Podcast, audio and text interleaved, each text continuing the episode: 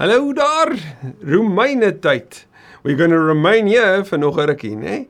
Baie baie welkom vir jou en vir elkeen wat hier wat inloer dalk vir die nuwe kykers ook. Ons wil vir jou van harte sê welkom. Dankie dat jy hierdie gekies het. Dit was so so goed om om op so gereelde basis boodskappe van julle af te kry, boodskappe van aanmoediging, boodskappe van wat hierdie ook vir jou beteken en ook van nuwe mense wat deel word van ons reis. So in die besonder welkom vir almal daar uit die uit die Kaapse wêreld uit. Kleinmond, Hermanus, daai wêreld vir julle in die besonder welkom, maar ook vir al die Weskussers en die wat in die in die midde Middelland bly, maar ook vir almal van julle wat van Amerika af, Ierland, Frankryk, Australië, Nieu-Seeland, ag en waar ook al jy ook dalk hierna sou kyk. Baie welkom ook vir die Namibiërs. Mag vandag se saamreis ook weer ons by die hand kom vat. Here ons kom saamneem na dieper en meer van hom. Iets wat in die besonder is van die die die besondere fokus is van die die deel van Romeine waarby ons nou stil staan is hierdie hoofstuk 9 tot 11. Paulus se unieke fokus op Israel en Israel se plek binne in God se verlossingsplan. Ons het in hoofstuk 9 verlede keer gesien hoe die hoe Paulus kom sê maar hy sal homself gee as dit sou meebring dat sy volk gered kan word. Want Paulus stoei met hierdie hele idee van maar maar die evangelie sê genade verniet. Die wet kan jou nie red nie, die besnydenis kan jou nie red nie. Maar maar dat die Here tog hierdie verhardende volk wat wat as dit ware teen sy wil draai, hoe hy dit ook gebruik om teweeg te bring dat die evangelie ook aan ander verkondig word, hoe dit 'n katalisator geword het. En hoe Israel juist daarin met hoop skep om te kom sien maar kyk hoe gebeur die evangelie ook onder die ander nasies en hoe die evangelie steeds goeie nuus is en hoe dit deur geloof gekry kan word. Want as dit deur hulle kan gebeur, is Paulus se beweging natuurlik, maar dan moet dit ook by ons gebeur. Dan moet ons ook mos dit net vat. Ons kan dit nie verdien nie. En Paulus het in die einde van hoofstuk 9 en laaste se begin van hoofstuk 10 die eerste paar verse kom sê maar hierdie evangelie is die struikelblok. Daai baie bekende teks wat jy in Korinte en in Petrus gaan raaklees om te kom sê maar hierdie struikelblok wat ander oorval is ook 'n fondasie waarop gebou kan word. En as die fondasie waarin daar geloof in Christus is word jou tot redding bring en net deur Jesus alleen sien God spreek mense vry wat in Jesus glo. En dis die hoogtepunt waarmee hy verlede week afgesluit het en waarmee ons vandag verder gaan. Kom ons bid saam. Here, hier voor ons is 'n besondere teks. 'n Mooi teks. Maar ons wil ook om sê soos al die ander dele van Romeine 'n teks wat dieper is as wat ons sou kon begryp, ten volle kon begryp ten minste wat soos die tieners sou sê ons breine so 'n bietjie breek maar aan die ander kant ons lewens verander. Want hoe meer ons met Romeine stap en hoe meer die teks Romein heer in ons harte, hoe meer kom ons agter hoe goed die evangelie regtig is. Asseblief, daarom bid ons vir meer. Ons is honger vir meer, meer van U, meer vir die waarheid hiervan. Dankie dat dit alles gebeur omdat U opgestaan het, Jesus omdat ons onlangs kon vier dat die graf leeg is en dat U heers. Dat ons in hierdie tyd is, Here, waarin ons die die die uitstorting van die Heilige Gees en die beweging van die van die die beweging van Jesus deur die kerk na die uithoeke toe kan kan erken, kan onthou, maar ook kan meemaak in ons eie lewe. Kom en werk daarop in ons lewe sodat dit ook deur ons lewe na die wêreld toe kan gaan doen wat net U kan, soos wat U dit in Paulus se lewe gedoen het, so ook in ons sin asseblief. Ek bid dit in Jesus se naam. Amen. Romeine 10 van vers 5. Moses skryf naamlik van die vryspraak op grond van wetsonderhouding, dis Levitikus 18, dat die mense wat doen wat die wet beveel, daardeur sal lewe. En nou bring Paulus 'n twee gesprek. Aan die een kant is 'n vryspraak wat amper as 'n tipe persoon deelneem in hierdie gesprek en Moses se woorde. En albei kom daar uit die boek van Deuteronomium, Deuteronomium 30 van vers 11 tot 14. As jy daai gedeelte sou wou lees, hiermee saam sal dit jou ook help om dit beter te verstaan. Moses skryf op grond van wetsonderhoud dat die mens wat doen wat die wet beveel, daardeur sal lewe. Paulus het in die verlede vir ons kom sê, maar dis nie die wet wat die probleem is nie, maar die feit dat mense dit nie doen nie. Want die wet bring nie vryspraak nie, dis geloof in God. Maar geloof in God beteken dat jy nou in staat is natuurlik om om nie te leef en 'n nuwe mens doen wat reg is, nê? Nee? Nuwe mense doen wat nuwe mense doen. Maar die wet op sigself kan dit nie teweegbring nie. Jakobus kom sê dat wanneer jy glo, moet jy dit leef. Dat geloof sonder werke dood is, want geloof wat nie oorgaan in 'n lewe wat daarbey aanpas nie, is die vraag natuurlik het jy regtig geglo. Maar teenoor hierdie hele idee van die wet en vryspraak kom sê Paulus, maar van die vryspraak deur die geloof sê hy nou nie. In die Grieks sou mens kon sê met vryspraak aan die woord sê. Maar vryspraak sê, jy sê dit so kon kon kon uitdruk ook. Moenie by jouself sê wie sal na die hemel toe opklim nie. Dis om Christus af te bring. Nou hierdie kom uit Deuteronomium 30 vers 11 tot 13. Of wie sal na die onderaardse diepte toe afdaal nie? Dit is om Christus uit die dood terug te bring. Hierdie klink ingewikkeld. Maar wat sê Paulus? Moenie op reis gaan op soek na na vryspraak nie. Vryspraak is nie ver nie. Jy hoef nie op te klim na die hemel om om dit te probeer kry nie want op dië manier trek jy Jesus af. En jy hoef nie te gaan soek daar net diep diepte diepte doodryk nie. En wanneer Paulus verwys na diep doodryk, sal Deuteronomium daarna verwys as aan die kant die see, né? Nee? En die see was natuurlik die simbool van die doodryk in die antieke wêreld. So soos Jona afgesak het tot in die fondasies van die aarde in die diepe doodryk was in die see. Sê Paulus, jy kan nie afgaan en om daar te gaan soek nie om om op 'n manier te probeer uit die dood daar te kry nie. So so jy moenie gaan soek nie. Moenie gaan soek na vryspraak nie. Moet dit nie probeer weet verdien nie. Dis nie dis nie ver nie, dis nie moeilik nie. Vers 8: Nee. Die skrif sê en dis Deuteronomium 30:14. Naby jou is die woord in jou mond en in jou hart as dit ware in jou binnewese. Nou hierdie in jou mond en in jou hart kom so mooi ooreen met Deuteronomium 6 wat vanaf vers 4 die Shema kom verduidelik en kom vertel van hoe ons oor die Here moet praat, die storie van God moet deel met mekaar die hele liewe tyd. Hierdie woord en hier beskryf Paulus nou gee hy inhoud aan aan die, wat in Deuteronomium 30:14 staan, weet staan en hy verwys dit onmiddellik na Christus toe. En hierdie woord is die boodskap van die geloof. So Paulus interpreteer Deuteronomium se woorde as 'n heenwysing op die evangelie die boodskap van die geloof en dit is wat ons verkondig. Wat kom sê Paulus? Dis maklik. Jy klim nie op na die hemel om dit te kry nie. Jy gaan nie af na die doderyk toe nie. Dis hier, hier binne, naby jou, naby jou mond, naby jou hart. Hoor dit. En en nou som Paulus dit so mooi op in in Romeine 10 vers 9 en 10. Twee verse wat ek en jy net soos Johannes 3 regtig uit ons kop uit kan ken. As jy met jou mond bely dat Jesus die Here is, en met jou hart glo dat God hom uit die dood opgewek het, sal jy gered word. Met die hart glo ons en ons word vrygespreek en met die mond bely ons en ons word gered. En dit twee verse moet ons so saam lees in die Grieks is dit ook so mooi want kyk dit begin met mond hart hart mond so 'n uh, inklusio so 'n uh, bymekaar maak van wat wat ek en jy moet glo en hy noem twee dinge. Hy sê eerstens wanneer jy met jou mond bely en die woord homolego, homolego is die is die is die werkwoord wat 'n belofte in openbaar is. Nou weet jy dalk eers van 'n belofte wat in openbaar gemaak kan word oor 'n belydenis wat 'n persoon se verhouding vir altyd bekragtig. Ja? Nee? Dis een wat ons noem 'n huwelik wanneer daar beloftes gemaak word in die openbaar met die bekragtiging van die hof, met die bekragtiging van die staat, verander dit hierdie verhouding vir altyd.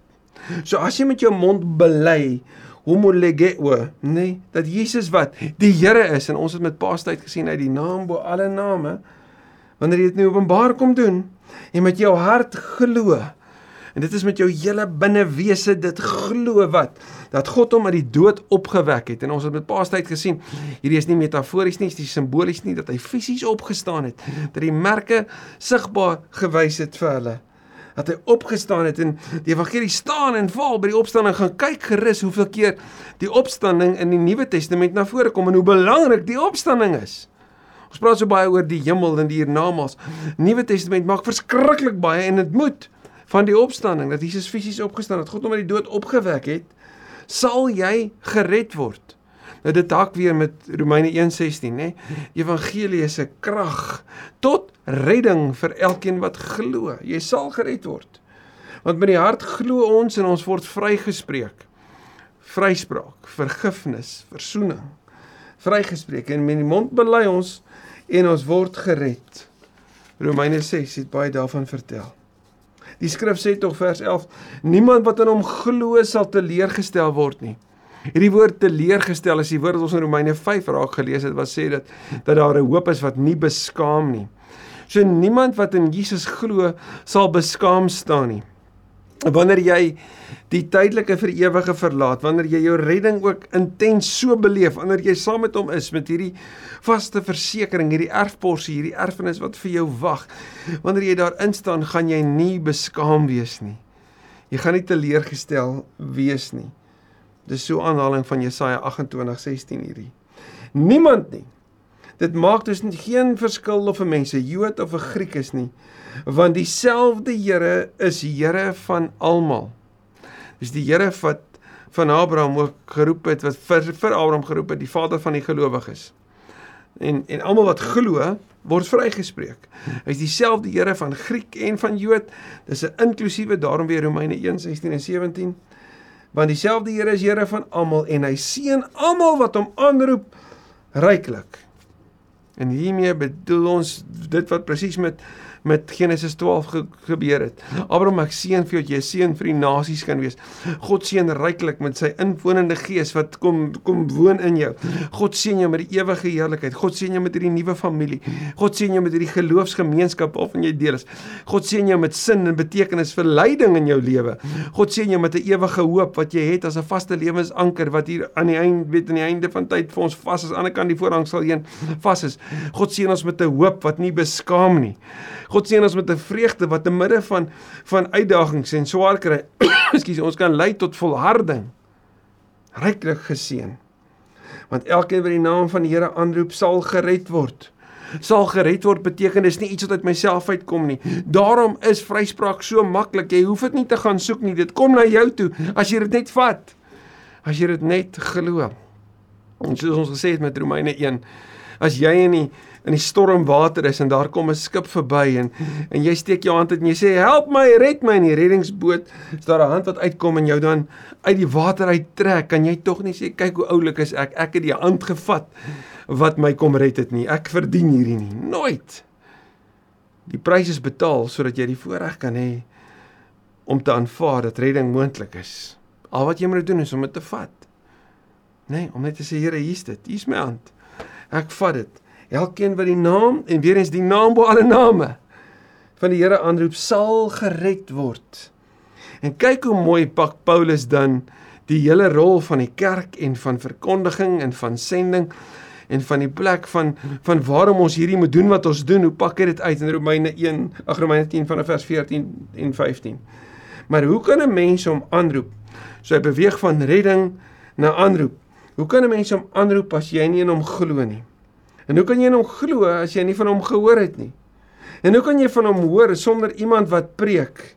En hoe kom iemand preek as hy nie gestuur is nie?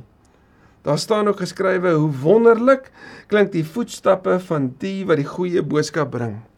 Kyk hoe pak Paulus dit uit. As jy sy naam aanroep, dan gaan jy gered word. Maar die redding kom as jy dit aanroep. Hoe gaan jy hom kan aanroep as jy nie daarvan hoor nie? Hoe kan weet ou hoe kan jy dit glo as jy dit nie gehoor het nie? Hoe kan jy dit hoor as iemand nie gepreek het nie? Hoe kan iemand preek as iemand hom nie stuur nie? Want hierdie hele boodskap is goeie nuus. Dis tydig. Die Griekse woord vir hoe wonderlik klink die voetstappe natuurlike aanhaling uit die Ou weet die Ou Testament uit. Maar die Griekse woord vir wonderlik is die woord horaios en horaios kom uit die uit die Griekse is is, is 'n verwysing na hora en hora is tyd. Hierdie is tydig. Hoe op die presiese regte tyd sou mens kon dit ook vertaal klink die voetstappe van die wat die goeie boodskap bring. Want die goeie boodskap is goeie nuus en dis tydig. Dis nodig dis noodsaaklik. Dis nou dis so seisoene. Dit moet nou gebeur.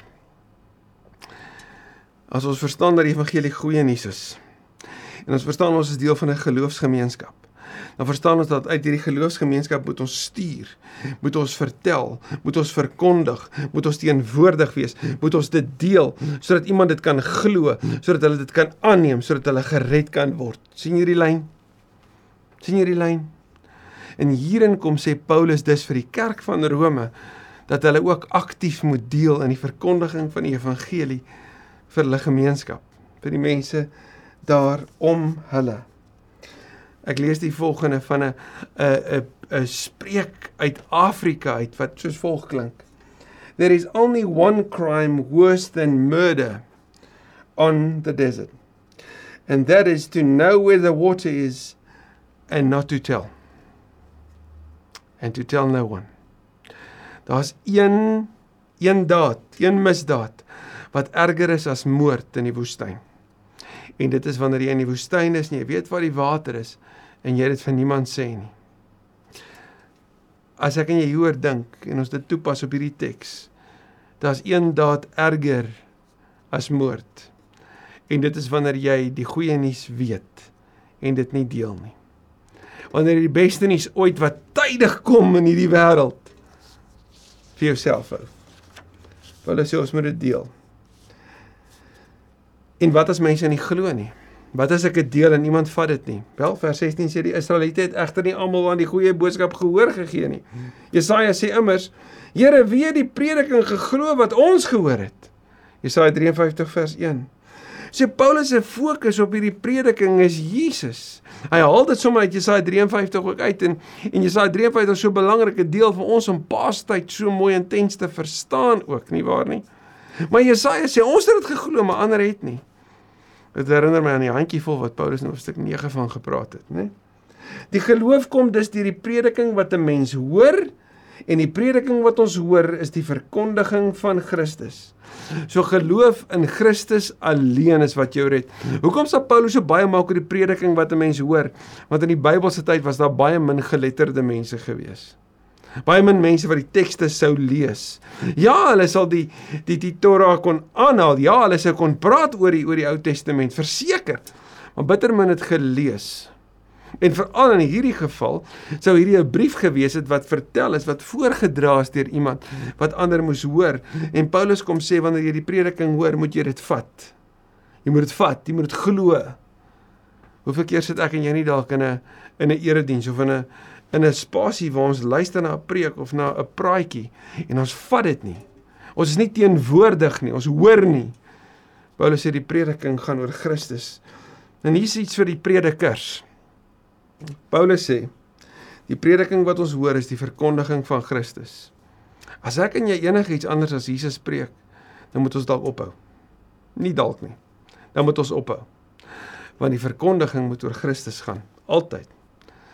Oor die goeie nuus wat hy gebring het, oor die lewensveranderende, lewenskragtige, lewensvernuwendende beste nuus ooit tot redding vir elkeen wat glo. Ons verkondig Christus. Maar mense kom vra sê vers 18, hierdie Israeliete dan nie die prediking gehoor nie. Altyd seker het hulle dit gehoor. Wel watter Israeliete natuurlik? Is dit verwys Paulus hier na die Ou Testament? Baie moontlik. Verwys in die Nuwe Testament? Ja, waarskynlik na 'n groot groep, maar daar was tog Israeliete gewees wat nie in Jerusalem was in tye van Jesus nie. Paulus sê die skrif sê hulle prediking het oor die hele wêreld weer klink. Hulle woorde tot by die uithoeke van die aarde.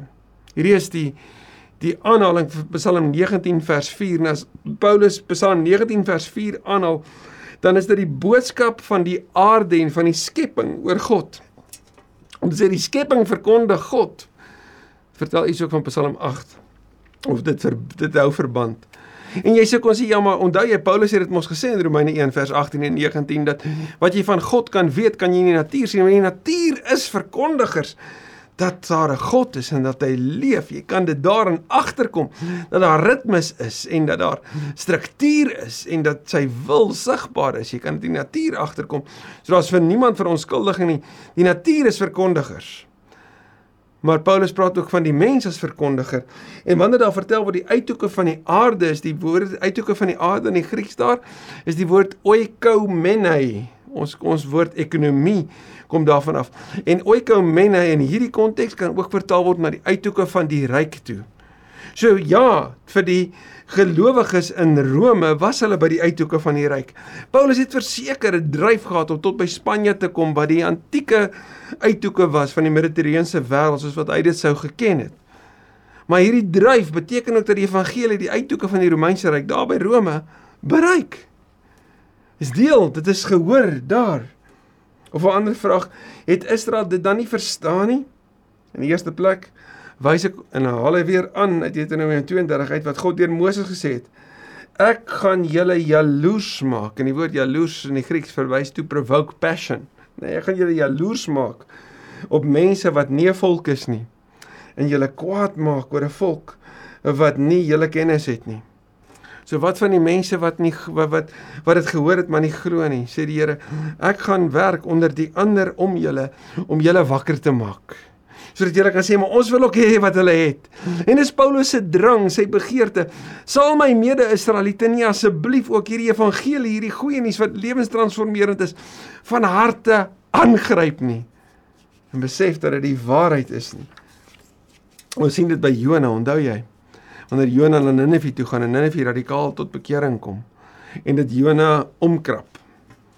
Paulus sê I want to stir up passion. Net dis wat die Here wil doen om deur onder die ander onder die heidene te werk. Vers 20 en nou al Jesaja 65 aan en Jesaja gaan selfs verder. So hy het van Moses gepraat en nou sê by Jesaja Daar sê God, ek het my laat vind deur mense wat my nie gesoek het nie. Ek het verskyn aan mense wat nie na my gevra het nie. Dit herinner my aan Jesus wat gesê het hy het gekom vir die siekes. Hy het gekom vir die verlorenes. Jesaja 65. Maar van Israel sê hy, dag vir dag, anders gesê deurentyd, het ek my hande uitgesteek na 'n ongehoorsame en 'n weerbarstige volk. sien jy, dis nie 'n vingerwysing nie. Dis 'n omgee. Dis 'n innooi. Dis 'n ek wil jou omhels. Dis soos die ou pa daar met die oudste seun. Kyk tog in Lukas 15. Wat uitgaan om by sy seun te wees met die feesviering van die jongste wat wat teruggekom het. En Hosea vertel ook meer hiervan van hierdie volk wat nie luister nie, wat soos 'n slegte vrou wegloop en dan sê die Here, "Maar hoe kan ek julle verstoot? My liefde brand te sterk, Efraim." Sien God steek hande uit vir Israel. En hy sê kom, terwyl julle sien hoe ek werk onder die onder die Grieke, onder die heidene vir julle. Terwyl julle sien hoe die beweging van hierdie evangelie soos 'n veldbrand versprei in die hierdie antieke wêreld, hierdie gemeenskappe transformeer, wil ek julle ook transformeer. Julle wat van kindsbeen af hierdie boodskap hoor, vat dit van harte en raak aangevuur, raak opgewonde oor waarmee ek besig is. Dis Paulus se begeerte vir sy mense, maar dis ook ons begeerte vir mekaar. Aangevuur met die goeie nuus. Die beste nuus ooit wat so tydig gekom het. Sodat ek en jy dit kan hoor en kan vertel van hierdie vryspraak wat as vryspraak aan die woord sou wees sê dis nie ver nie. Dis naby. Naby jou mond en naby jou hart. Wil jy dit nie vandag vat nie? Volledig vat nie. Wil jy deel vandag ook in die belydenis dat Jesus leef? Kom ons bid dit dan saam. Here, vandag wil ek kom erken dat ek 'n sondaar is. Dat ek net soos al die ander mense wat voor my op hierdie wonderlike planeet gestap het, hulle wat ook nou hier stap, dat ek net soos hulle sondig is en 'n redder nodig het.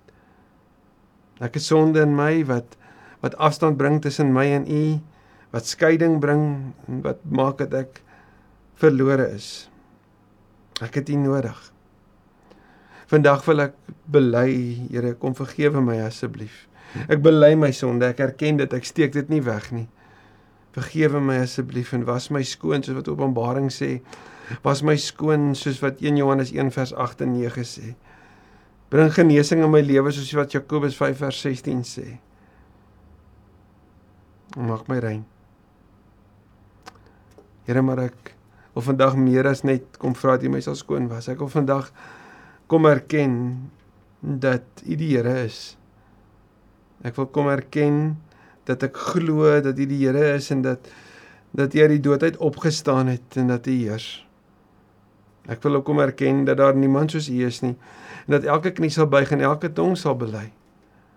En ek wil kom erken dat U weer kom om ons te neem, om my te neem wat bely dat U die Here is wat bely dat U leef. Wat bely dat U my skoon gewas het en dat U vir my gesterf het, in my plek gesterf het, dat U ook vir my kom kom haal om by U te wees.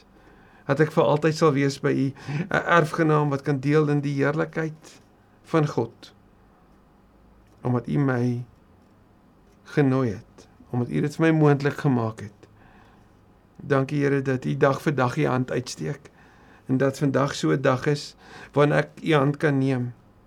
Ek, die een wat ook maar weer barstig is, ook maar hardkoppig is en was, of vandag sê hier is ek, Here, red my. Dankie dat U dit ook doen. Dankie dat U U Gees vir my stuur en U Gees in my laat woon en Heilige Gees lei my op die weë van die Messias, van die Here, op die beste lewe wat daar is, die Jesus lewe. Tot eer van die Vader. Aan U kom die lof toe. Amen. Amen. Volgende week, volgende keer, hoofstuk 11, sien jou daar.